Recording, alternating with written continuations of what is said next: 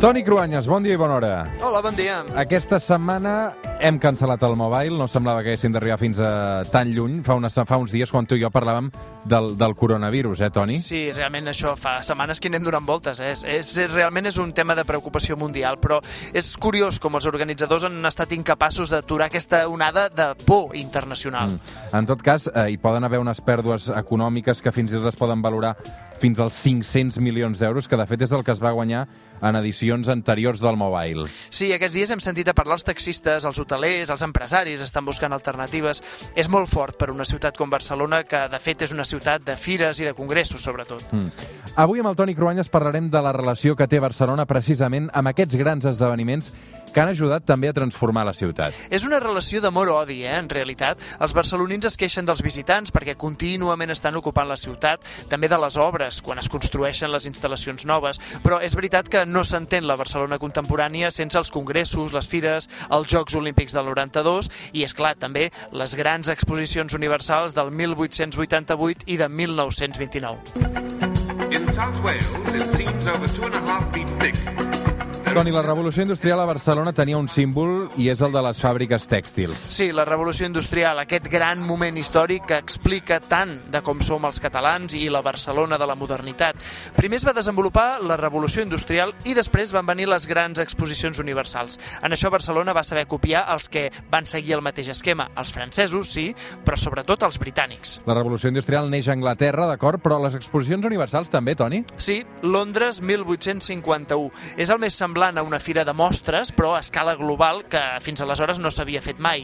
L'objectiu era exposar els productes industrials de tots els països per primera vegada per comparar avenços tecnològics, per obrir nous mercats, això és molt britànic. Eh?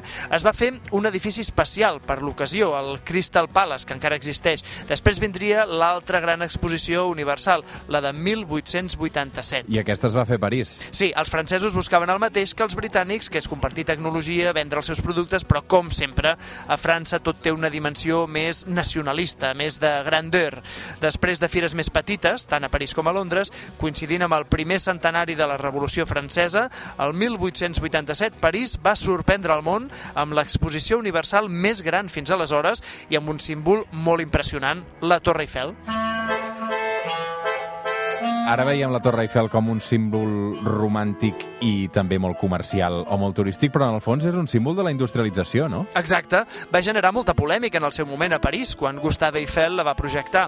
Els crítics i experts en arts els va semblar una aberració que trencava l'harmonia de l'arquitectura de París, però és igual, al Camp de Mart, a l'entorn d'on avui ha la Torre Eiffel, ja s'hi havien fet altres fires internacionals i després de l'èxit d'aquella exposició universal vindria la de Barcelona de 1888 i el cas d'aquella exposició de Barcelona és molt interessant perquè l'esquema és el que s'ha reproduït més vegades. De fet, es va aprofitar aquest esdeveniment per desenvolupar una bona part de la ciutat. I no només això, sinó també per agafar embranzida en els sectors econòmics interessants en aquell moment, sobretot la indústria. Després seria el turisme, o ara també l'economia tecnològica o dels mòbils.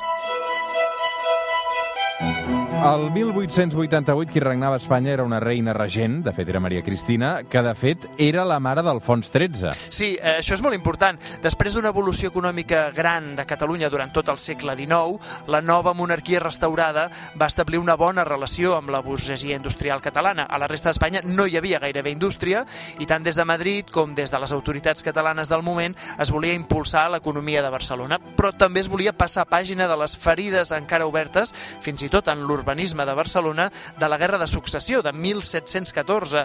Els nous Borbons, restaurats al tron, volien passar pàgina i els burgesos catalans també.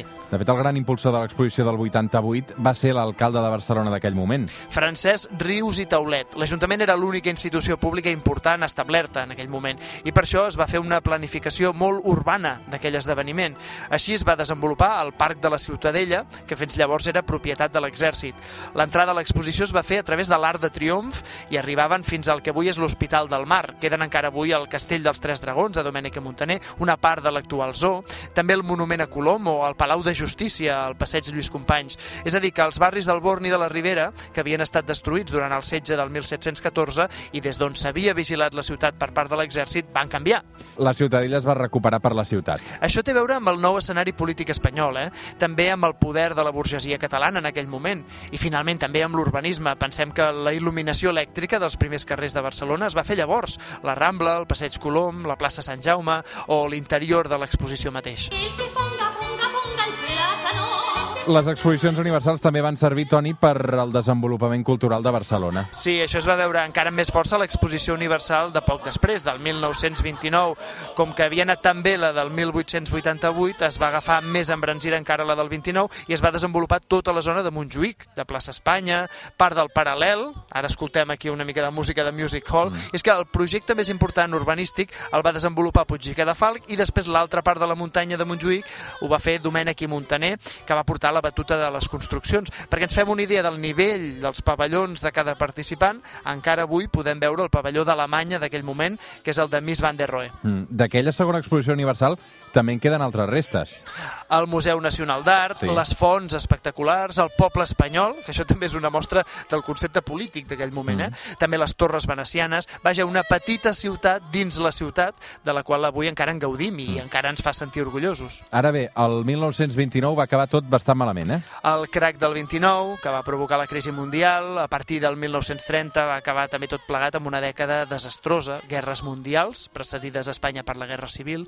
Potser aquesta perspectiva immediatament posterior tan desastrosa ha fet que vegem ara amb una llum especial aquella exposició del 1929. Clar, en aquells anys la ciutat es va viure un moment de gran creixement en tots els aspectes, la gent s'ho passava bé, eh, es van fer les obres del metro, per exemple, per mostrar com això de, de, de fer aquests actes eh, internacionals també tenia un efecte en els ciutadans de carrer, en la gent normal. Mm, També aquelles dues exposicions van portar molta immigració a Catalunya, sobretot d'Andalusia, d'Extremadura, de Múrcia. Van ser anys de bonança extraordinària. De fet, va ser tan així que va quedar en la memòria de la ciutat fins i tot durant els anys foscos de la guerra, de la postguerra, del franquisme. No és d'estranyar que un segle després de l'exposició del 1888 fos quan Barcelona va aconseguir una altra vegada l'organització d'un esdeveniment internacional de primera magnitud. L'organisation de Jeux de la 25e Olympiade 1992 à la ville de Barcelona.